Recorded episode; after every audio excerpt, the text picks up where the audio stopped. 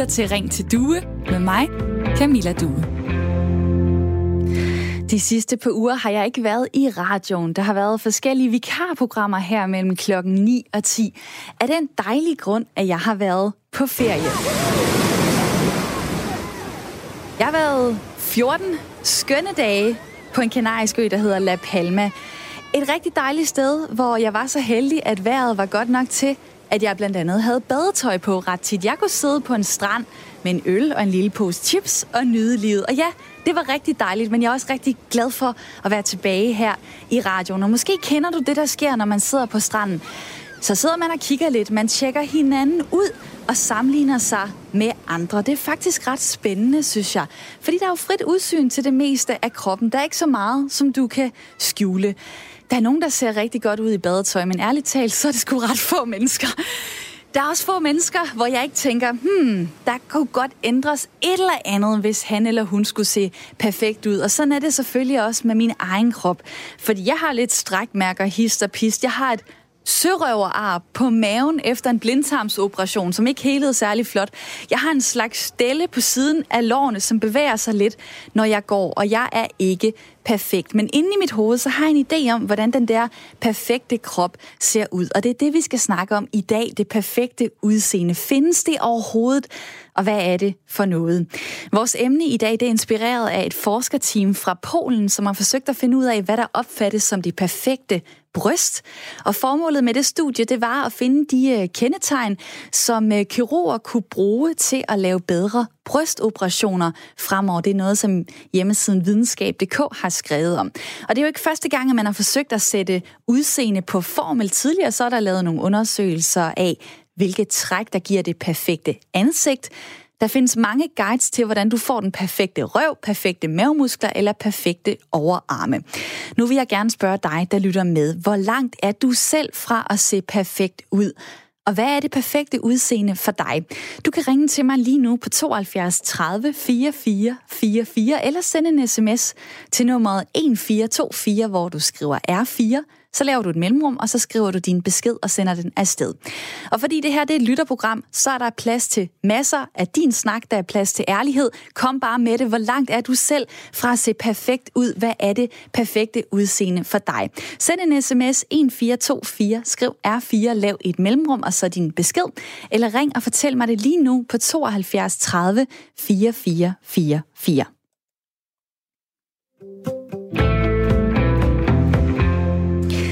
vil jeg sige hej til mit øh, lytterpanel i dag. Rune Årdal Hansen, du er fra Aarhus, du er 42 år, du forsker i forurening i vandmiljø ved Aarhus Universitet, og så har du en kæreste, en datter på halvandet, kan godt lide at lave mad til andre mennesker, kan lide at kede sig, og du elsker at køre i bil med din datter. Velkommen til. Tak skal du have. Simone Brandt, du er også fra Aarhus. Du er 25 år, du læser medicin på Aarhus Universitet. Så bor du sammen med din kæreste. Du elsker surt slik. Du er frivillig i Sex-Expressen, hvor du underviser folkeskoleelever i seksualundervisning. Og så kan du lige at bruge tid med dine to familier. Der er den biologiske, og så er der den på medicinstudiet. Ja, der er. Velkommen til programmet. Tak. Simone, hvad, hvad siger du til dagens emne? Øh, jeg synes, det er et mega fedt emne, og jeg synes, det er ret relevant. Jeg tror, det fylder rigtig meget for mange mennesker. Hvad fylder det for dig? Øh, jamen, som jeg også har sagt til dig tidligere, så er der spejle over det hele. Og hver gang jeg er ude at tisse eller er i fitness, så er der spejl. Øhm, og det er så svært ikke at kigge og tænke, hmm, det kunne man da også godt lige. Øhm, så på den måde, så er måske sådan meget i underbevidstheden, at det fylder, når man lige kigger i spejlet. Og det der med, det kunne man lige, der mener du lige ændre? Lige ændre. lige forbedre. Ja. Rune, findes det perfekte udseende overhovedet? Det korte svar, nej. Det tror jeg simpelthen ikke. Øh, jeg tror, vi kan blive enige om, at i vores kultur, at vores øjne drages af et eller andet smukt eller æstetisk flot. Men jeg tror ikke på, at det findes det perfekte udseende. Det må vi finde ud af at at undersøge her den næste time i Ring til Due, som er Radio 4's samtale- og lytterprogram. Jeg hedder Camilla Due, som du kan høre, så har jeg lytter i studiet. Det er også vigtigt for mig, at du kommer med ind i den her snak. Prøv lige ring på 72 30 4444. Hvad er det perfekte udseende, og hvor langt er du selv fra det. Du kan også sende en sms til 1424, skriv R4, lav et mellemrum, og så din besked. Der er en, der hedder Simon, der lige har skrevet, undskyld mit sprog, men hvem fanden er perfekt. Så er der en anden, der svarer på det, kunne man jo næsten sige. I min verden var Elvis verdens smukkeste mand. At se ham optræde i læderdragt i 1968. Wow, hilsen Ina. Tak for de to sms'er. Nummeret 1424. Skriv R4, lav et mellemrum, og så din besked, eller ring på 72 30 4444. Rune, nu starter vi lige med en skala fra 1 til 10. 1, det er virkelig grim. 10, det er virkelig smuk. Næsten perfekt. Hvor ligger du? ja. Ja, velkommen til Vi starter hårdt ud. Øhm, uh, Det er fordi, folk Syv, kan jo ikke se dig. stykker. Det er jo radio, det ja, her. syv. Syv? Otte stykker. Ja, jeg tror, en, en middel, en god ende af middel. Hvorfor ikke mere, hvorfor ikke mindre? Ja, Du er en dejlig høj mand. tak.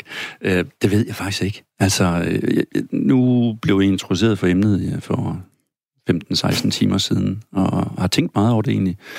Og jeg kan ikke... Øh, det er et meget svært emne, faktisk. Altså... Øh, Er det fordi, du er flov ved at stå og Nej. øh, hive de gode eller de dårlige ting frem ved dig selv? Nej, det, det tror jeg egentlig ikke. Øhm, jeg, jeg ved det faktisk ikke, Camilla. Det, øh, og, og jeg synes egentlig, at det er et interessant emne, og jeg glæder mig til at blive meget mere øh, klog på det i løbet af den time, øh, vi har sammen her. Jeg kan ikke svare for det. Simone, øh, hvor du sagde det her med, at du, du, du ser, der, der er spejle overalt. Når du kigger i de der spejle, har, er du opmærksom på, om du er sød ved dig selv, eller om du øh, lige får øh, sendt dig selv et par sviner, fordi at øh, næsen eller øjnene eller munden, eller hvad det kunne være, kunne være bedre, måske maven, hvad ved jeg? Øh, altså, det er altid nemmest at være selvkritisk. Øh, har jeg tænkt over. Det er altid nemmest at spotte den der menstruationsbump, som vi alle sammen får, eller øh, den der, de der hudorme, eller mascara under øjnene, eller øh, i stedet for at spotte de der flotte kindben, eller de store læber. Og Jeg tror klart, jeg er mest selvkritisk, og øh, er nok ikke så bevidst om ikke at være det, desværre. Tænker du over sådan, hvor du er mindst perfekt? Mindst perfekt? Øh, nej, nej, det tror jeg ikke, jeg gør. Jeg tror mere, at du ved, jeg pinpointer noget, der i hvert fald ikke er perfekt. Og hvad er det? Øh, jamen lige nu, der er det min menstruationsbums herude i tændingen, som snart, den skal, have, den skal med på postkassen derhjemme eller sådan noget. Men Og det er ikke på grund af julemaden, spørger jeg bare lige. jo, det kan nok godt være. Eller nytårsaften champagne, eller hvad det er. Men, øh, men jo, jeg på den måde, så pinpointer jeg ligesom... Lige nu, der er det den der bums, der bare er skide irriterende. Dig, der lytter med, du kan være med i det her program. Du kan ringe på 72 30 44 44. Det siger jeg en del gange, fordi jeg vil rigtig gerne have, at du ringer ind og deler din holdning, eller kommer med en kommentar til det, vi snakker om. Hvad er det perfekte udseende for dig? Det må du da have tænkt over. Hvor langt er du selv fra at se perfekt ud? Nummeret er 72 30 44 44. Du kan jo også sende en sms til 14 24. Skriv R4, lav et mellemrum, og øh, så din besked. Og øh, Rune, nu forsøgte jeg mig så med den der skala før, hvor du lagde dig på en, en 7-8 stykker. Altså øh, det perfekte udseende, hvis du skulle tænke på en, en, en mand. Hvordan ser den perfekte mand ud? Mm, ja, den, øh, jeg er jo selv høj, øh, så jeg tænker en høj mand, men faktisk nogle af de flotteste mænd, jeg har set, det er, er lavere mænd. Nå. Ja. Hvor Øh, lave? Mm, en 70. Og hvad er det, der gør det flot? Det ved jeg ikke, altså, men det er jo proportionerne, altså i, i mennesket. Der, så er det jo ligegyldigt, hvor højt du er, eller hvor, hvor lav du er, hvis proportionerne er i orden. Og der kan man jo så måske snakke om, at der er noget perfekt, øh, nogle perfekte proportioner i os. Øh, nu blev det nævnt øh, kindben, og jamen, der er nok nogle ting, vi kigger på og bliver drevet af. Det gør jeg det selv. Øh, men om jeg kan sætte ord på det, det er faktisk lidt sværere. Altså, jeg kan, jeg kan, mine øjne drages af et eller andet, eller mine ører drages af en flot stemme. Men, øh, Men, Men er det ikke meget godt egentlig at få tænkt over, hvad er det, der kan trick ens hjerne til for eksempel at pege på sig selv og sige, der har jeg lidt, hvad jeg vil betegne som en fejl. Altså det der med, det sker måske underbevidst, at vi hele tiden går rundt og øh, putter hinanden øh, i et eller andet ratingsystem og siger, du er mega smuk, du er mellemsmuk, du er godt nok ikke særlig pæn, og hvor ligger jeg så øh, midt i alt det her? Altså, Jo, det, det tror jeg da. Men, men uh, så tror jeg, vi skal også bringe ind i snakken, at, uh, at vi har alle mulige medier i dag, som, som udstiller det perfekte i vores kultur. Uh, og, og det er vi ikke. Altså, jeg står også her, ligesom du selv nævner, du har også fejl, jeg har også fejl. Jeg har masser af fejl. Jeg er et uperfekt menneske. Og det uperfekte er måske meget mere perfekt. Der er en øh, lytter, der hedder Majbrit, som øh, har ringet til programmet. Du er 33 år, og du er øh, fra Horsens. Øh, hvor langt er du fra at være perfekt og se perfekt ud? Jamen, øh, både og. Øhm, jeg synes jo, i mine øjne, så er jeg perfekt som den, jeg er. Jeg skal jo ikke ligne alle de andre. Jeg skal jo ligne mig. Og hvordan ser du Øh, ud? Jamen, øh, jeg synes jo, jeg er køn øh, i ansigt. Jeg har køn ansigt, har et pænt krop, øh, normal, velproportioneret, inden for standard. Men så har jeg for eksempel nogle pigmentfejl i mit ansigt, som gør, at øh, jeg har lidt anderledes øh, udtoner udtoner. Og det er jo så en del af, hvordan jeg ser ud. Det døde jeg rigtig meget med, da jeg var yngre. Og se anderledes ud, også at være anderledes i badetøj. Øhm, men det, det sjove er, at der er jo ikke nogen, der, der har nogensinde i mit liv egentlig har dømt mig på det. Det er kun mig, der har dømt mig på, hvordan jeg så ud. Er der nogensinde nogen, der ellers har kommenteret på øh, dit udseende, enten positivt eller negativt? Masser. Øh, altid fået positive kommentarer. Folk, når de kommenterer, kommenterer på udseendet, så siger de jo gerne noget pænt. Det gør de faktisk. Og så er der nogen, der spørger til, hvad er det, du har der på hænderne, eller hvad er det, du har på ansigtet. Især børn, der spørger, hvorfor, hvorfor er du hvid der, eller hvad er der sket. Så det er egentlig meget markant, de pigmentfejl, du taler om der. Ja, is- især om sommeren. Jeg har fået lidt farve. Og det kunne man jo ellers sige, øh, i forhold til, hvad man ser for eksempel i mediebilledet eller på de sociale medier, så kunne man godt betegne det måske som uperfekt på en eller anden måde. Er det Ja. tiden, der har gjort, at du har lært at sige, øh, jamen, øh, jeg er god, som jeg er? Eller hvad er det egentlig, der har gjort, at du kan acceptere det, hvis jeg må bruge det ord? Jeg tror både, de, både tiden, altså nogle ting kommer jo med, at man bliver voksen. Men jeg tror også, jeg var god til det der med at vende tilbage til, er der egentlig nogensinde nogen, der har valgt mig fra på grund af den måde, jeg ser ud. Og det har der aldrig været. At jeg har fået en oplevelse af, at det var måske ikke så meget, hvordan jeg så ud, men, men mere min, min selvtid, at det er personen bag udseende. Øh, Jeg har en en lidt sjov reference. Jeg havde en veninde, som efter standarderne ikke var nær så køn som mig. Hun var lidt tyk, hun havde lange bryst, og hun, hun var lidt øh, mindre køn i ansigtet i forhold til mig, måske. Men det var godt nok hende, der, øh, der, der gik hjem med en bejler, fordi hun havde så enormt meget udstråling og charme. Og hun selv synes, hun så dejlig ud. Det gjorde indtryk på mig, kan jeg huske. Nu kan jeg jo høre, at der er øh, et barn med dig i den bil, jeg formoder, du øh, kører i. Ja, Øh, det kunne jeg. hvad tænker du, hvordan kan du øh, give den der dejlige, positive tanke om dig selv videre til dine børn? Barn?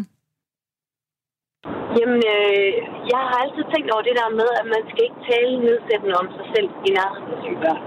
Man skal ikke stå og hive sig i dillerne, eller sige, mor er tyk, eller snakke om tykke mennesker, eller grimme mennesker, eller prøv at se ham der, eller prøv at se den bums, eller den skæve næse. At vi skal, vi skal snakke om det dejlige. Vi skal fokusere på det dejlige. De ting, der skal have lov at fylde, er jo de gode og de positive ting. Og jeg siger jo til min dej- datter, at hun ser dejlig ud, smuk og godt menneske, for at, at jeg kan lide hende. Og folk kan lide mennesker, der er gode ved hinanden. At det, det, det er udstråling. Det er smil og glæden. Altså, jeg ser da heller ikke særlig pæn ud, hvis jeg ser møgsukker ud en dag. Så ser jeg da ikke smuk og charmerende ud, tænker jeg. Jeg kan fortælle, at Men- man, man lyder heller ikke godt i radioen, hvis man er sur. Majbrit, øh, tak fordi du ringede ind. Ja. Selv tak. Majbrit, øh, jeg i lige måde ringede Ja. øh, på 72 30 4444. Og øh, det så ud til, I, I er meget enige med mig, Britt. I nikkede nærmest til alt, hun sagde. Hvad for en pointe øh, vil du gerne hive frem her, Rune?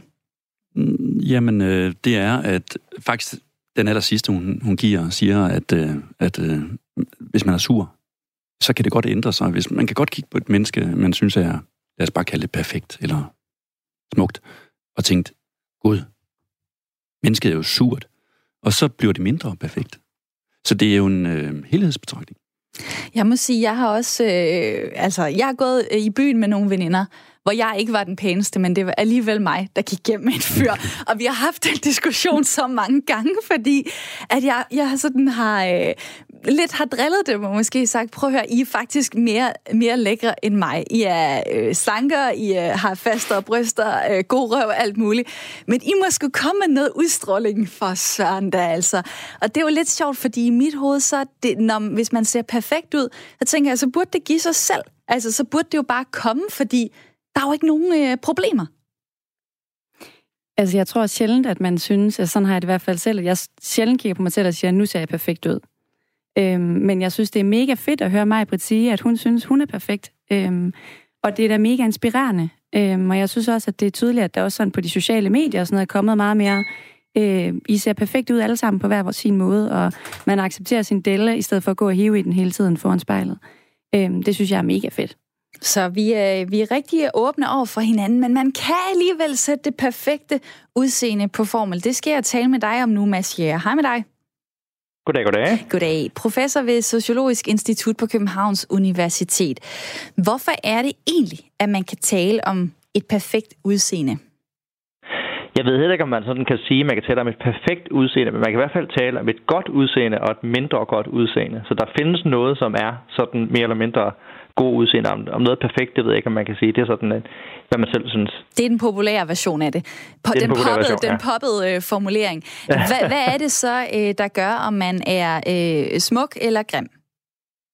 Men det, man kan sige, det er, at der er ligesom tre ting, der er vigtige, når vi bedømmer andres skønhed. Det ene, det er symmetri, og man har en symmetrisk ansigt og en krop. Det er faktisk også gennemsnitlige træk. Vi kan godt lide at ansigter og kroppe er gennemsnit, og man ikke stikker for meget ud. Og så kan vi simpelthen også ganske tragisk, vi elsker ungdommelighed. Så vi synes også, at ungdomlige, ungdomlige træk er smukkere end mindre ungdomlige træk.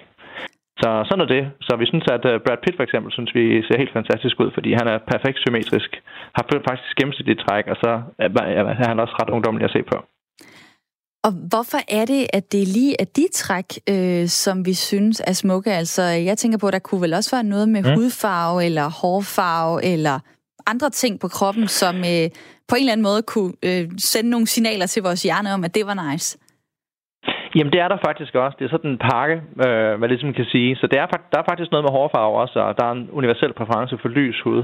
Og det vi tror, at det er sådan forholdsvis biologisk betinget, det her, ikke? at vi ligesom ser efter nogle bestemte træk, der signalerer quote-unquote gode gener, og, og man har godt helbred og sådan noget. Og det var noget, der betød noget den, tilbage i gamle dage der, hvor, hvor livet var lidt hårdere, end det var i dag. Men så er det noget, der stadig hænger fast i vores hjerner, selvom vi er nu lever i et samfund, som er moderne, hvor, vi, hvor det ikke på den måde er vigtigt for os. Så kan man, øh, kan man snakke til sin hjerne og sige, øh, jeg vil ikke være biased, jeg vil ikke øh, kigge på en øh, hvid øh, kvinde med blondt hår, der er ung, og så sige, hun er mega smuk, øh, fordi at øh, jeg vil faktisk gerne være mangfoldig. Altså, kan man, kan man arbejde med sin egen indstilling, eller er det bare ærgerligt, fordi det ligger simpelthen indkodet i os? Altså, man kan sagtens arbejde med det og gøre sig selv bevidst, hvad, hvad det, hvordan man tænker over de her ting. Men vi ved fra forskning, at meget af det her, det kører sådan rimelig på automatpiloten. Ikke? Man har for eksempel prøvet at putte folk i hjerneskanner og vist billeder af smukke mennesker. Og så kan man se, at det tager cirka en 30 det der sekund, før din hjerne belønner dig med dopamin, når du ser et billede af en smuk person. Så det er ikke sådan, i store træk er det ikke noget, som vi går og tænker over. Det er bare sådan, vi er indrettet. Man føler vel ikke smerte, hvis man så ser en grim person? Nej, nej, dog ikke, dog ikke. Okay, men det, det har en positiv virkning de med, med det smukke. I hvert fald, man kan i hvert fald se, at uh, vi reagerer med det samme, når vi ser nogen, som bliver bedømt til at være smukke, ja. Men jeg synes da også, at der er det der med, at øh, man er til forskellige typer, altså at, at vi, øh, vi synes forskellige mennesker ja, er smukke, ja. og heldigvis for det, så vi ikke alle sammen jagter den samme. Altså, ja, øh, kan man slet ikke tale om det, altså individuel skønhed? Altså, det kan man sagtens. Jeg tror, man skal tænke sådan på det, at, at et udgangspunkt er, at de fleste mennesker tror, at vi alle sammen har en individuel bedømmelse af, hvem der er smuk og hvem der ikke er. Men det, vi kan se i forskningen, det er, at hvis vi sætter 10 mennesker ned og viser dem et billede af en person og beder dem om at bedømme den her person, hvor smuk de er, bare på en skala fra 1 til 10, så er de rystende enige. Så det er ens, ensartetheden i, i, hvordan man opfatter skønhed, som er meget, meget stærkere end den individuelle variation, der er. Selvfølgelig har vi vores egen personlige personlige præferencer i et vist omfang også, men der er simpelthen et fællestræk, som er helt utrolig stærkt, og det er meget overraskende sådan set. Så kan man så bare sige, men så er det ærgerligt, hvis man er øh, faldet mindre heldigt ud fra naturens side? Øh, ja, ja, det kan man godt sige i den forstand, at vi ved også fra forskning, at hvis man prøver at sminke på sit udseende, blandt andet gennem øh, kosmetisk kirurgi og, og brug af make-up og sådan noget, det har vi en undersøgelse af, så kan man faktisk ikke ændre sit udseende særlig meget, sådan, hvis man, skal, hvis man beder folk om at måle om at bedømme, hvor smuk man er, før og efter man har puttet makeup på eller foretaget noget kirurgisk indgreb. Så, det er, så vi er sådan lidt hardwired til at synes noget bestemt om det her. Vi kan sådan set godt gennemskue, når andre folk forsøger at gøre sig smukkere. Så det er sådan set, det er lidt tragisk at sige, ikke? men det er sådan set bare lidt ærgerligt, kan man sige. Wow, vi må prøve at øh, holde stemningen her i studiet alligevel, ja, Mads Tak for ja. din tid. Velkommen. Professor ved Sociologisk Institut på Københavns Universitet. Og det her, det er jo et øh, program, som handler om det perfekte udseende. Det er også et lytterprogram. Du kan være med. Ring på 72 30 44 44, eller send en sms til 1424, skriv R4 lav et mellemrum og send så øh, din besked. Jeg har spurgt, hvor langt er du selv fra at se perfekt ud, og hvad er det perfekte udseende for dig? Det kunne være sjovt, hvis du ringede ind og ville være med i snakken på 72 30 44 44. Jeg tager lige en sms her. Jeg forstår godt, at man vil se godt ud. Jeg ligger på en 8, men mange synes øh, at have fokus på det forkerte, fordi det er indefra, at det skønne, det kommer. Okay, nu er jeg lidt forvirret, fordi jeg synes lige, det var det modsatte af det, øh, som øh, Machier, professoren, øh, sagde, at øh, vi kan godt synes noget, mm, altså have en holdning til noget, men alligevel så har vi altså et eller andet indkodet i os, som bare fortæller, hvem er smuk og hvem er ikke smuk. Har du tænkt over det før, Simone? Øh, nej, jeg var faktisk også lidt overrasket øh, over, at han sagde, at vi på den måde sådan synes noget bestemt er smukt. Nu var der en lytter før, der skrev, at Elvis i en læderdragt var det smukkeste, jeg vedkommende nogensinde har set. Og der er jeg måske også mere en Brad Pitt-pige. Øh, så på den måde, der har jeg da i hvert fald lidt en anden holdning til, hvad der er det smukkeste, øh, eller det mest perfekte. Øh, men altså, jo, Brad Pitt er da lækker, så det, der kan da godt være, der er noget om det. Det ved jeg ikke. Øh, jeg troede, vi, jeg troede perfekt var noget sådan subjektivt. Ligesom det perfekte liv eller den perfekte karriere er noget helt subjektivt, så troede jeg også, det var det samme med udseende. Det kan jo gøre et eller andet ved, øh, hvordan man skal gå ud i verden og kigge på folk. Altså, øh, nu har jeg jo ikke sådan den fulde liste over, hvilke mennesker vil man vil alle sådan pege på og, og sige er skønne. Men øh, skulle man måske trække et par point fra, hvis man øh, møder øh, to personer, og man ved, at den ene har alle de der genetiske øh, fordele. Altså, øh, skal man lige overveje det, når man vælger sine venner og sin kæreste, at det, at det ikke bare udseendet, det hele går på? Øh, muligvis. Altså, fra mit eget liv, øh, da jeg mødte min, min, øh, min kæreste, øh, det var ikke... Øh, hun er en smuk kvinde, øh, men det var ikke umiddelbart det, at øh, jeg lærte hende at kende, øh, fordi jeg havde mulighed for at have en række samtaler med hende. Og, øh, og i de samtaler øh, blev hun for mig et øh, perfekt menneske. Øh, for mig. Øh, men, men Hvad altså, nu, hvis hun havde set anderledes ud? Har du så overhovedet haft de samtaler med hende? Ja. For, og det er du overbevist om? Ja, det er jeg fuldstændig overbevist om det. Altså, det, øh, det, jamen, det er jeg. Det er jeg. Og hvad var det? En eller anden kemi, eller hvad? Øh, måske. Øh, øh, det kan det godt være, ja dig, der lytter med, kan jo øh, komme med øh, din holdning. Jeg kan se, at der er nogen, der skriver på sms'en lige nu. 1424 er nummeret, som du skal sende en sms til. Så skal du skrive R4, lave et mellemrum, og så sende din besked. Du kan også ringe lige nu på 72 30 4444 og tale med om, hvad er din holdning til det perfekte udseende. Det må du, øh, det må du meget gerne øh, blande dig i, skulle til at sige. Det lyder lidt negativt. Du må meget gerne være med i det her program, som er Ring til Due. Det er Radio 4's øh, samtale og øh, lytter program. Og øh, jeg har lige et øh, par teser. Hvis man er øh, smuk, øh, så er det nemmere at få gratis drinks i byen. Hvis man øh, ser perfekt ud, så er det nemmere at work, networke til en konference. Det er måske nemmere at tale sig ud af en parkeringsbøde. Og måske er det nemmere at få en kæreste, hvis man er mega lækker. Det er sådan lidt øh, lommefilosofi fra min side. Er der nogle ting, I vil tilføje til den liste? Altså jeg tænker bare overordnet, det du siger, så er udseende faktisk blevet endnu et af de der privilegier, vi skal snakke om. Øhm, og det synes jeg er lidt uhyggeligt, hvis det er det. Hvis det er nemmere at netværke til en konference. Nu på Rune og jeg er lidt inden for forskerverdenen, og hvis man har en fordel, fordi man ser godt ud, det er da sådan mega uretfærdigt, hvis man ikke bliver vurderet på ens kompetencer eller et eller andet sted for. Det er rigtig godt sagt, men er det ikke sådan lidt uh, helgenagtigt? Altså, jo. fordi er det ikke bare sådan, det er? Kan, altså, Okay, det vil du ikke, den vil du ikke helt gå ind i, Rune. Lige om lidt, så skal vi faktisk tale med en, som kan gøre os klogere på, hvad fordelen er ved at øh, være pæn. Hvad kan man egentlig bruge det til? Det kan du høre mere om øh, efter nyhedsoverblikket, som kommer lige om lidt. Men øh, fortæl mig også lige måske, øh, har du oplevet nogle fordele eller ulemper på grund af dit udseende? Nummeret det er 72 30 44 44. Du kan også sende en sms til 1424, skriv R4, lav et mellemrum, og så din besked. De næste fire minutter her, der får du et nyhedsoverblik. Det er blevet tid til nyheder her på Radio 4. Danmark får hård kritik fra Europarådets komité til forebyggelse af tortur i dag. Komiteen har blandt andet besøgt danske fængsler, ligesom de også har besøgt udlændingecenter Ellebæk i Birkerød, hvor mænd og kvinder, der typisk har fået afslag på asyl, de bor. I rapporten, der er blevet offentliggjort i dag, der kritiserer komiteen blandt andet, at migranter lever under kritisable og uacceptable forhold på danske udlændingecentre. Og rapportens pointer er skidt nyt, mener Elna Søndergaard, der er seniorjuridisk rådgiver i Dignity, Dansk Institut mod Tortur. Det er en meget alvorlig kritik, som Danmark har modtaget, øh, fordi det handler om, at helt basale regler for, hvordan personer, som er frihedsberøvet, skal behandles, ikke længere overholdes i Danmark. Vi har været med til at udforme de her regler på europæisk og international plan, og nu modtager vi en kritik, der peger på, at på forskellige områder, i forhold til Ellebæk, i forhold til fængsler, der overholder vi ikke reglerne. Og det er meget, meget alvorligt.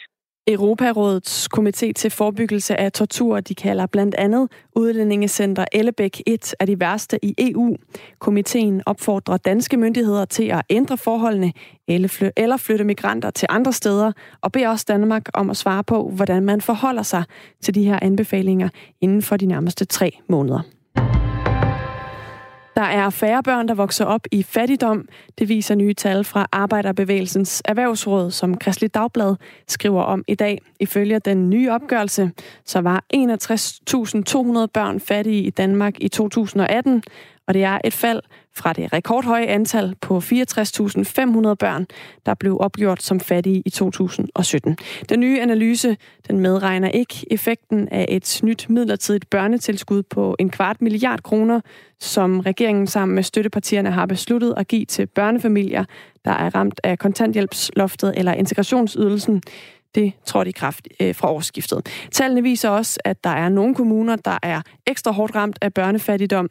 På Lolland og Langeland, der vokser mere end hver tiende barn op i fattigdom, og de københavnske Vestegns kommuner Brøndby, Ishøj og Højtostrup er også hårdt ramt. Debatten om børnefattigdom den er præget af en uenighed om, hvad reel fattigdom er. Hos Arbejderbevægelsens Erhvervsråd, der bruger man Danmarks Statistiks definition. Flere hundrede danske frivillige har meldt sig til at tage turen til Australien og hjælpe til i kampen mod de mange brænde, der haver for tiden. Det fortæller Søren Elkrog, der er deltidsbrandmand i Danmark til politikken i dag. Han har oprettet Facebook-gruppen Brandmand i Australien.dk for frivillige, der altså er med på at rejse om på den anden side af jorden for at hjælpe. Jeg sad her lørdag aften og sad og øh, kiggede nyheder, og, og det var nogle drastiske billeder, jeg så dernede fra. Øh, og jeg kunne se vores, vores øh, kollegaer, øh, de var være rigtig, rigtig trætte. Og så tænkte jeg, at der burde være en eller anden måde, at vi danskere vi kan hjælpe på. Indtil nu har i alt 25 personer mistet livet i brændene i den her sæson, og tusindvis har mistet deres hjem. 200 brænde er stadig aktive landet over i Australien. Søren Elkrog fortæller, at det både er brandfolk, paramediciner, læger og andre flere andre faggrupper, der har meldt sig som frivillige. Han forventer ikke, at de danske frivillige her de skal være med til selve slukningsarbejdet, men de kan hjælpe med andre ting, siger han. Det er jo enten øh, logistikopgaver, det kan være evakuering, det kan være, hvor, hvor der er brug for hænder for vores hjælp. Vi runder lige en vejrudsigt fra DMI her til sidst. Skyet vejr, måske med lidt regn i dag, men i den vestlige del af landet, der kommer der også en overgang lidt eller nogen sol. Temperatur mellem 5 og 9 grader.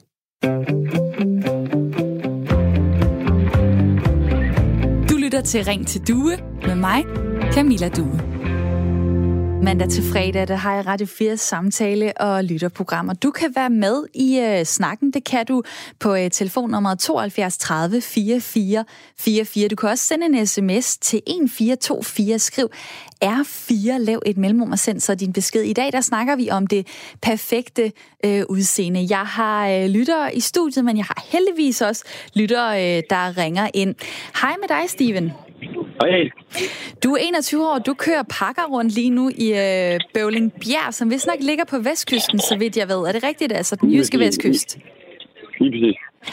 Hvad, øh, hvad tænker du om vores snak om det perfekte udseende?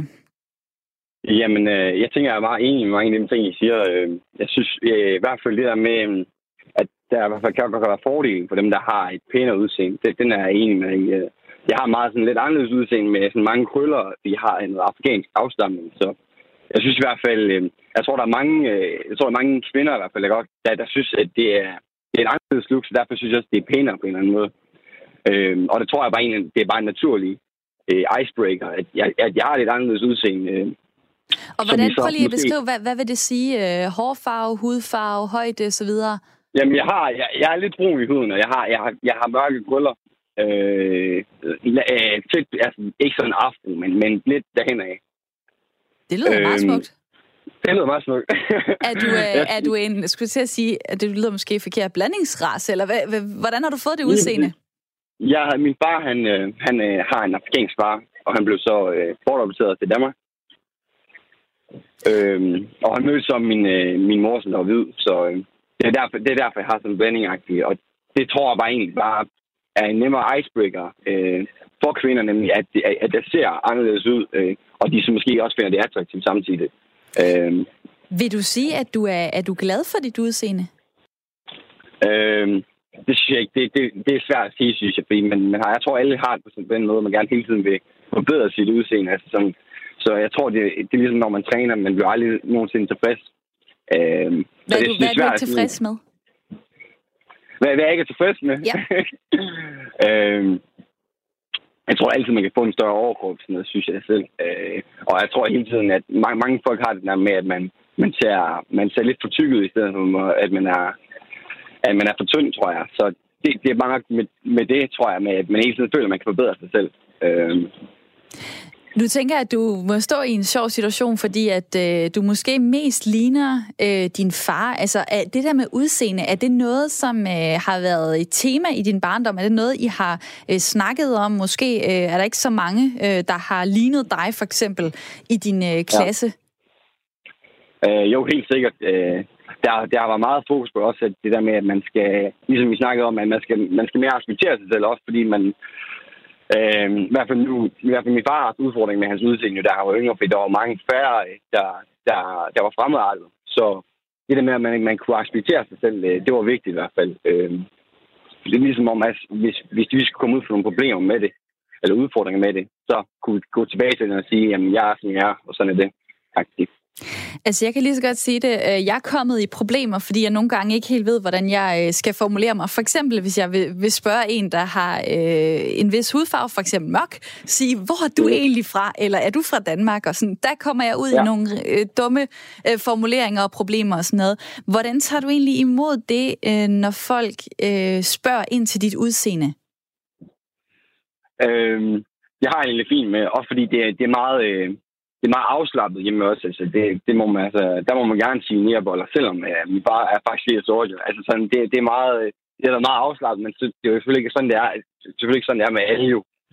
Øhm, men egentlig har vi bare, det har bare taget med gram salt faktisk, egentlig, at øh, når at, øh, hvis folk har været negative over for det eller noget, øh, det er ikke noget, der er programmer som, som sådan. Steven, tak fordi, at øh, du ville øh, dele alt det, du lige har fortalt med mig. Tak skal du have. det var så lidt. Og nummeret, i lige måde, nummeret det er 72 30 4444. Der kan du også ringe ind og tale lidt om dit udseende. Er det øh, perfekt? Har du oplevet nogle fordele eller ulemper øh, ved at øh, have det udseende, som du har. Vi taler om det perfekte udseende i dag. Øh, vores emne det er inspireret af et forskerteam fra Polen, som øh, har forsøgt at finde ud af, hvad der opfattes som det perfekte øh, bryst. Og det var fordi, at så kunne man udføre nogle bedre brystoperationer fremover. Og derfor så har jeg bredt snakken lidt ud og sagt, jamen øh, der er jo meget mere, man kan tale om. Altså øh, man kan tale om det perfekte ansigt, man kan tale om den perfekte røv, måske den perfekte hudfarve, hvad ved jeg. Du kan være med på telefonen 72 30 44 44. Du kan også sende en sms til 1424, skriv R4, lav et mellemrum og så din besked. Jeg tager nogle af de øh, sms'er, der er kommet øh, lige om lidt. Jeg har givet mit lytterpanel øh, i studiet en opgave. Det er øh, Simone og Rune, der er i studiet dag. Simone Brandt fra Aarhus, 25 år. Du læser medicin på Aarhus Universitet og bor sammen med din kæreste. Rune Årdal Hansen, du er også fra Aarhus, øh, er 42 år, forsker i forurening i vandmiljø ved Aarhus Universitet, og så har du en kæreste og en datter på halvandet år. Og nu står jeg måske og ryster i bukserne, fordi jeg har øh, givet jer denne her opgave. Øh, I har fået et ark med et øh, billede. På billedet, der er der enten to mænd, der ligner hinanden lidt meget, eller to kvinder, der ligner hinanden lidt meget. Men der er alligevel nogle forskelle. Og Rune, hvad er forskellen på dine kvinder? Ja, altså der er, som sagt, der er to figurer, og øh, den ene, det er, hvad kvinder selv mener er den perfekte kvindekrop, og den anden, det er, hvad mænd mener er den perfekte øh, kvindekrop. Og øh, så er det... Hvad synes kvinderne, hvad er perfekt? Uha. Øh, hvis jeg sådan prøver at, vurdere den, så vil jeg sige øh, lange ben, øh, meget flad mave, øh, smalle hofter faktisk, øh, helt normale størrelse bryster. Øh, jeg vil næsten sige, at hun ser lidt anoreksiagtig ud. Der er i hvert fald ikke meget øh, sul på kroppen. Og Nej. så kommer mandeversionen. Der er godt med boobies. Den er meget fyldig, ja. Så Eller, vi, så vi ikke. Men, men den altså, er den ekstremt er, øh, fyldig i forhold til resten af kroppen. Ja, ja altså, ellers så ved jeg ikke, om du har været i en uh, svømmehal. altså, der er, hvad er der ellers på billedet? Øhm, et der er de store hår. bryster og ja, fyldigt hår, hår, det er ja. rigtigt. Og øh, en, faktisk en lidt rundere mave, end hvad kvinderne er til. Øh, lidt bredere hofter og øh, lidt kortere ben, faktisk. Så en, øh, en ret, en, en mere fyldig kvinde på, på alle fronter, faktisk, men stadig slank. Ja, jeg, vil, jeg ved ikke, om jeg vil bruge ordet fyldig, nu kommer jeg vist til det, øh, men det er en, øh, synes jeg i hvert fald, en, en slank kvinde, men hvor at øh, hendes øh, bryster er, er toptunet.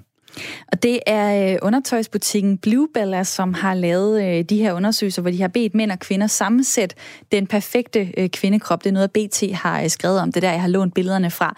Og du har så øh, det bud på øh, perfekte mænd, som øh, både mænd og kvinder er kommet med, Simone. Ja, den har jeg vundet. Øhm, må jeg se, om jeg kan komme ud på lige så dybt vand som Rune. øh, altså, der er ingen tvivl om, at mændene, de mener, at der er tale om en stor, muskuløs mand. Det er klart det smukkeste, de mener. Øhm, kæmpe store øh, brystmuskler, arme og sixpack. Øhm, og så er det relativt kort her, hår, øhm, og en lille smule sådan øh, skæg, sådan lidt stube. Øhm, hvorimod kvinderne, de er også til en relativt altså, veltrænet mand, også rimelig store arme og brystmuskler, øh, men så sådan lidt mere vildmandshår, øh, og også skæg. Lidt længere, end hvad mændene egentlig var til. Og også lidt mindre muskuløse ben. Men igen, så er det som om mændene, de vil have det voldsommere, ja. eller de vil have det mere, de vil have det ja. større.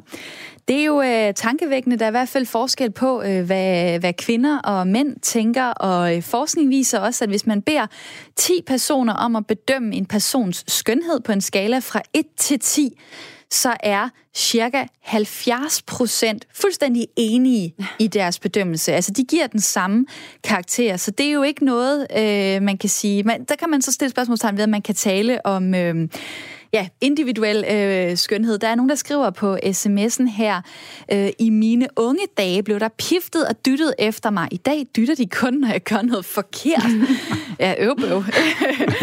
Sms-nummer det er 1424, skriv R4, lav et mellemrum og øh, send så din besked. Der er også en, der skriver øh, et lidt retorisk spørgsmål her, eller måske bare et spørgsmål.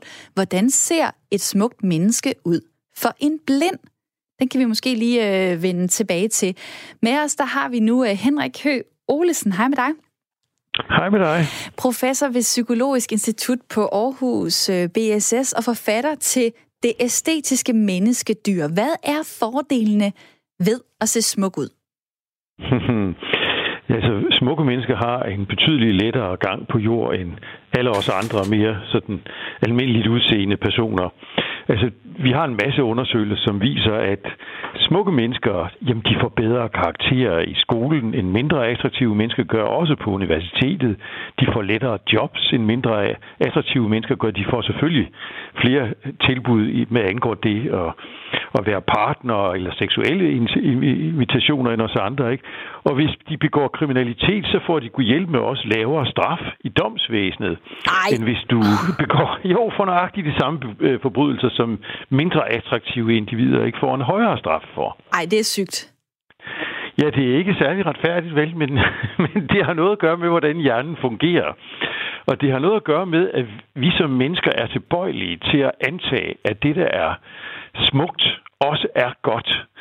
Og det er det et langt stykke af vejen, også forstået på den måde, at det kan være godt i biologisk forstand.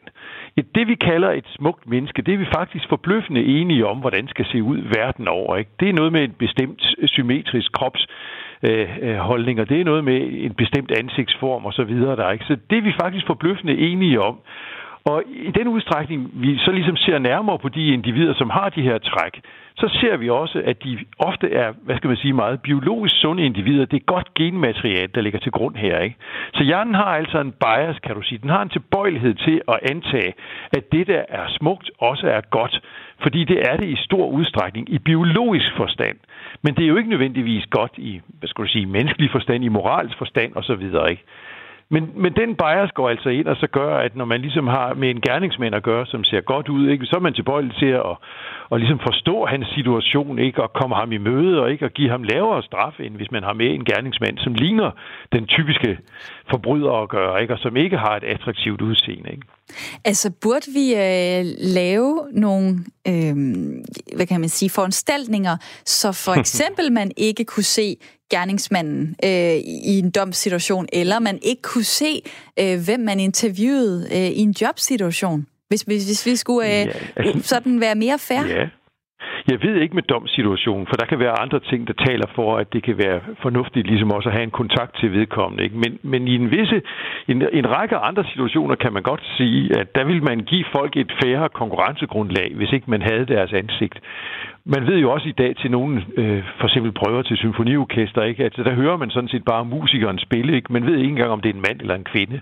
Og bliver ikke på den måde forført af andet end den tekniske kunde, kan du sige. Ikke? Så altså, det, vil da, det vil da dæmme op for den naturlige bias, vi har til at opfatte det, som er smukt i sådan positivt imødekommende, øh, på positivt imødekommende vis, ikke? sådan vi giver det særlige fordele. Ikke? Men det kan være svært at gøre det i praksis, tror jeg, i mange, i mange situationer.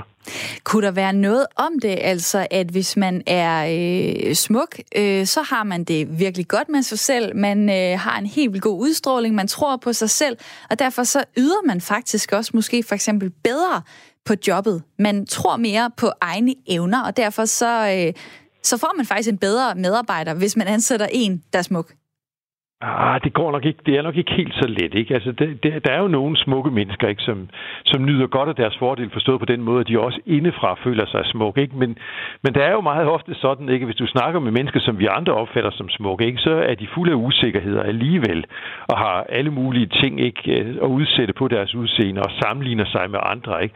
Så det er ikke en given ting, at fordi du har med en smuk organisme at gøre, så har du også med en organisme at gøre, som er fuld af selvværd og fuld af selvtillid. Så det er ikke på den måde, det virker. Det er mere sådan, at vi andre er tilbøjelige til at rette os positivt mod vedkommende. Men vedkommende kan godt se på sig selv med samme skepsis, som vi andre ser på os selv. Ikke? Og der er ingen ulemper ved at være øh, meget smuk? Nej, altså der er ikke nogen egentlige ulemper ved det. Du kan sige, vi kan i visse, øh, altså i kulturen kan have nogle fordomme, ikke? Ud fra sådan en eller anden mærkelig præmis, ikke? Hvor vi en tager, tager, tager for givet, ikke? At, at hvor herre eller naturen er nære Forstået på den måde, jamen hvis, hvis han, hun er smuk, øh, så er der sikkert et eller andet andet, som ikke fungerer. Ikke? Så er, er hun for eksempel ikke særlig begavet og sådan nogle ting. Men, men det holder på ingen måde. Ikke? Så den der, de der myter, vi har om The Dumb Blonde, altså eksisterer ikke i virkeligheden. Altså, blonde piger er ikke dummere end andre piger, ikke? men vi har i kulturen haft dyrket en stereotyp, ikke, hvor vi har en meget smuk, blond øh, pige, som så ikke er alt for begavet. Ikke? Marilyn Monroe har inkarneret den figur i film øh, ved forskellige lejligheder. Paradoxalt nok var, var Marilyn selv et, et, et, et ganske godt begavet menneske, ikke? men hun spillede altså rollen ganske overbevisende som, som dum blondine. Ikke? Og det er så blevet sådan et, et kulturelt meme, kan du sige, hvor vi så er kommet til at tro den slags ting. Men det har ikke noget på sig, det meme. Ikke? Altså blonde mennesker er hverken klogere eller dummere end, end andre mennesker. Henrik Høgh Olsen, tak for din tid. Det var så lidt. Professor ved Psykologisk Institut på Aarhus BSS og forfatter til det æstetiske menneskedyr. Jeg synes da ellers, det vil være lidt fair på en måde. Altså, øh, at man blev sat lidt bag i køen. Hvis man har så mange fordele ved at være smuk, altså, så er det også okay, at man øh, lige øh, må træde et par skridt tilbage, eller hvad? Øh, Simone, ærligt talt, du ser sgu godt ud. Altså, du, øh, du passer meget godt ind i den her ungdommelige, øh, blond hår, slank. Øh, har du oplevet øh, nogle fordomme på grund af dit udseende? Jamen altså, tusind tak. Jamen selv tak da. Øh, jeg ved ikke, om jeg har oplevet fordomme. Altså jo, den der blonde kommentar, den kan man da hurtigt få. Øh, men jeg, det er ikke noget, jeg sådan har følt mig så ramt af. Selvironien, den står højt, så jeg, øh, jeg tager det ikke så personligt. Du er ikke bange for, at øh, der er nogen, der, synes, der tænker, at du kan være dummere? Nej, Nej, det er ikke. Så ender det måske bare med at være en fordel. Så kan man lige imponere dem lidt, måske. Og så kan man vende det på den måde. Jeg tror ikke... Øh, det har jeg ikke tænkt over i hvert fald. Heldigvis. Der er nogen her, der øh, skriver på øh, sms'en, skønhedens fordele var lige præcis de sekunder, det tager at vurdere skønheden. Derefter går andre vurderingsmekanismer i gang, siger min erfaring. Så vil jeg godt lige øh, udfordre dig lidt, dig der har sendt den sms, fordi at øh, du bliver faktisk øh, typisk rigere, hvis du er smuk. Øh, Jyllandsposten har skrevet om et amerikansk studie, som viser, at inden for nogle brancher, så kan det være omkring 10-15 procent i forskel i forhold til, hvad de mest og mindst attraktive mennesker tjener over et helt liv. Så kan det give de smukke mellem halvanden million eller 2,3 millioner kroner ekstra i lønposen Au. Au for, de, for dem, der ikke er smukke. Så øh, er der et øh, studie fra Københavns Universitet, der viser, at smukke mennesker er lykkeligere. Og Jeff har lavet en undersøgelse, som viser, at næsten tre ud af fire ledere siger, at en ansøgers udseende og fremtoning i høj grad eller i nogen grad har betydning, når de afgør, hvem der får jobbet. Så er der en her i artiklen, der siger, at hvis du ser godt ud, så er du intelligent, og du er sikkert også mere disciplineret af det, der bliver øh, tænkt vi er op imod, øh, man er op imod mange ting, det er, vil jeg sige, øh, altså os tre. Hvis vi ligger øh, sådan på de der 7-8, alle tre, og ikke er perfekte eller oversmukke, jamen så har vi jo, øh, så har vi jo lidt vej igen. Altså, øh, har, har I på nogen måde oplevet det, at I tænkte, hvis jeg var lidt, lidt lækre, så kunne jeg måske have fået det her, eller så var det måske mig, der havde fået det job, eller kommet ind øh, på den studieplads? Jo, hvis jeg lignede Brad Pitt, så havde jeg haft hans karriere. Det ville da være dejligt. Men det, det gør jeg ikke. Øh, og og jeg, jeg, nu har jeg stået og lyttet lidt, og jeg synes egentlig, det er meget interessant, fordi vi er egentlig gået fra en uh, samtale omkring det perfekte udseende til et smukt udseende. Og jeg ved ikke, om det er et leg med ord, men, men øh, i min verden er der forskel. Uh, og uh, jeg tror selv, at jeg i nogle sammenhænge har oplevet, at, øh, men det tror jeg, det er noget med højden til gengæld at gøre, at, øh, at der er en anden form for naturlig autoritet i højde. Og, og når jeg har været i nogle situationer, der, der kan det godt spille ind, at der er en anden form for, øh, at folk simpelthen tror, at, øh, at, at der er øh, øh, noget mere viden eller klogskab eller er en autoritet i højden. Har du lige tændt for radioen, så lytter du til programmet Ring til Due, som er et lytterprogram. Du kan ringe ind og være med i snakken. Det er meget nemt. Du tager din telefon, så trykker du 72 30 44 44. Så øh, kommer du igennem til det her program og taler med om det perfekte udseende. Måske har du et indspark, noget vi ikke har været inde på endnu.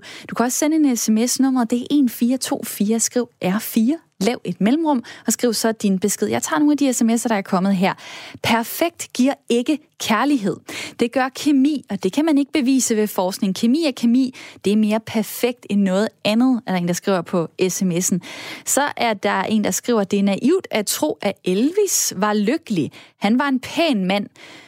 Men, det er, men så tænk på, på hvilken trist måde han døde skriver Tommy på sms'en. Og det er jo fordi, der er en, der tidligere har skrevet, at øh, Elvis var verdens øh, smukkeste mand på sms'en. Så er der en, der skriver her, den perfekte kvinde er en døvstum nymfoman, der ejer et værtshus. Bum, så er den ikke længere. Har du lyst til at uddybe, hvorfor, så kan du øh, godt gøre det øh, på 1424, skriv R4, lav et mellemrum, og øh, send så øh, din sms øh, afsted. Hvor, øh, hvor tænker I, at øh, vi kan tage den her snak hen, altså hvis vi skal øh, tage noget med videre, øh, når vi går ud lige om lidt fra det her studie om en fem minutters tid. Hvad, hvad har så sat sig hos jer? Altså, øh, ud fra, jamen, vi har jo snakket med nogle kloge mennesker, der har slået fast, at det smukke udseende giver mange fordele. Bedre karakterer, mindre straffe, flere penge, alt det der. Hvordan skal vi håndtere det, os dødelige mennesker? Altså, øh, vi jo har jo fået at vide af forskningen, at vi kan ikke rigtig gøre noget ved det, der er det perfekte. Øh, det kan vi ikke ændre. Øh, ikke engang ved at gå til kirurgen. Men, men jeg har hørt mange lyttere sige noget omkring udstråling. Og, og den der selvtillid, og, og at det også klæder rigtig mange mennesker. Og det tror jeg, der er mega vigtigt. Hver gang jeg er ude på toilettet og kigger mig i spejlet, at jeg måske en gang imellem, i stedet for at kigge på min bum, så også lige siger, damn girl, og så lige uh, tager lidt selvtillid med ud derfra. Um, det tror jeg kunne gøre meget i en hverdag. Det kunne man da egentlig sige til sig selv, hver gang man gik. Damn, you're hot. ja. Jeg ved ikke, om det er det sprog, du bruger, Rune, men uh, hvor tænker I, hvor kommer de her perfekthedstanker fra? Altså, nu øh, gik jeg igennem banegården her til morgen, og øh, 80 procent af de mennesker, der står og venter, de står jo og kigger på deres telefon øh, i en eller anden form for Instagram-feed, eller hvad det ellers hedder derude. Og jeg tænker, det har meget med det at gøre. Altså, øh, vi, vi får et forvrænget billede af, hvad øh, et, øh, et perfekt menneske er. Vi ser jo kun det perfekte fra andre mennesker. Øh, jeg, jeg tror aldrig, jeg har set en, øh, en ikke-perfekt risotto på Instagram. altså, det, det er jo kun perfekt, og det perfekte mennesker er kedelige i min verden. Jeg kan godt blive glad, hvis et meget, meget smukt menneske har en fejl. Kender I det? Ja. Og man så tænker, dit øje er også lidt skævt. Thank God for det. øh, dig, der lytter med. Du kan jo ringe ind på 72 30 44 44. Du kan lige nå at komme med ind i snakken og fortælle os, hvad er det perfekte udseende for dig, måske i forhold til dig selv, eller hvad går du efter hos andre? I forhold til det der med sociale medier, øh, så er det jo særligt de unge, som bruger meget tid på for eksempel Facebook og Instagram, hvor man deler masser af billeder. Og jeg har en undersøgelse her, der viser, at 46 procent vil ønske, at deres krop lignede øh, de kroppe, som de ser på sociale medier. 68 procent af danskerne siger, at kendiskulturen har en skadelig indvirkning på de unge, fordi at man får en dårlig opfattelse af sin egen krop. Og der er en øh, forsker her, der siger, sociale medier er det sted, hvor man gerne vil dele sin succes, og det har skabt nogle dårlige betingelser for kroppen, fordi vi deler de billeder, hvor vi ser bedst ud, og øh, det skaber en situation, hvor der er mindre mangfoldighed i de kroppe, vi ser, og det er nok ikke særlig godt for vores kropsopfattelse, siger Louise Jong Nielsen, postdoc på Center for Ungdomsforskning til DR.dk. Hvordan kender du det, øh, Simone? Sociale mediers indvirkning på perfekthedstankerne? Øh, jamen, nu er jeg jo selv både på Instagram og Facebook og alle de her fantastiske steder, hvor der bare er masser af billeder. Øh, men heldigvis så vælger man selv, hvad der skal være på ens feed. Og øh, nu lyder det måske sådan lidt forkert, men på mit feed, der er altså også øh, videoer af kvinder i min egen alder, som står i deres slug i undertøj og vifter med dellerne i slow motion. Mm-hmm. Eller uh, Troy Queen Louise, som i slow motion ryster den der mega store, dejlige røv. Øhm, og det gør der også noget ved mig, at jeg siger, det er jo egentlig ikke helt så galt fra, hvordan jeg selv ser ud. Jeg tager lige en sms her. Godmorgen. I glemmer fuldstændig stemmens betydning, skriver Kai. Jamen tak for øh, det input. Så er der en, der skriver, at det handler måske meget om proportioner. Det gyldne forhold er på spil. Man finder det overalt i naturen. Tallet kaldes pi. Leonardo da Vinci forsøgte at lave det perfekte menneske. Ja, det har han måske ret i. Tak for den sms også. Og nu har øh, Nils ringet øh, til programmet. Du er 66 år. Hvor langt fra perfekt er du? Jeg er sgu langt. jeg, jeg ligner en halv gammel mand, og det er det, jeg er. Så det er det, og det er jeg fuldstændig ligeglad med. Og det har jeg fint med. Men, men øh, det, jeg tænker på, det er alt den der idealisering af det perfekte over Instagram og medier og alt det der. Det, det er utroligt, at selv her i 2020, at, at man er kommet videre. Altså også øh, helt unge piger, de øh, jagter hinanden, og de sulter sig selv, og de gør det der der. hele det der skønhedsidealisering. Også jeg ser nogle kvinder, de poster sig selv uh, fuldstændig uh, forfærdelige på nettet på skiltet. Hvorfor gør de det? Ja, mærkeligt, men kom videre. Mærker du aldrig selv, at den, det der lille pres kan snige sig ind, hvor du tænker, ah, måske skulle jeg lige uh, gøre mig lidt i stand, eller uh, tabe mig, eller et eller andet? Jeg tænker tit på at tabe mig. Det er fandme, det er på grund af kolesterol og sundhed og det og det og sådan noget. Det er mere for min egen skyld. Altså, ja, selvfølgelig, hvis jeg er uddannet, så kan det være, at det er træls, at jeg kan komme til for maven. Men uh, jeg har den der sådan, der er jeg på den uh, på kære tid af 100, og sådan er det. Jeg skal lige høre dig til sidst. Har du et godt råd til, hvordan alle os andre kan føle os smukke? Slap af og være sig selv. Det lyder fuldstændig som floskel. Ja, det har taget mig 50 år at lære det. Men være sig selv. Hvile i sig selv. Stole på sig selv. Læs nogle gode bøger. Gå ind i nogle interesser. Og så... Man skal jo lugte af, af, af skidt og møg. Men altså, ellers så være ligeglad med, hvordan man ser ud.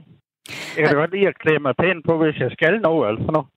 Men ellers så, ja, være sig selv. Altså, det er en floskel, men, men det er det, der virker. De, er de perfekte ord øh, til et øh, program om øh, perfekt udseende. Det blev det sidste, vi nåede. Der var også nogle sms'er, jeg ikke når, men tak for dem alligevel. Jeg læser dem alle og en. Tak til mit lytterpanel, og nu skal vi have nyheder.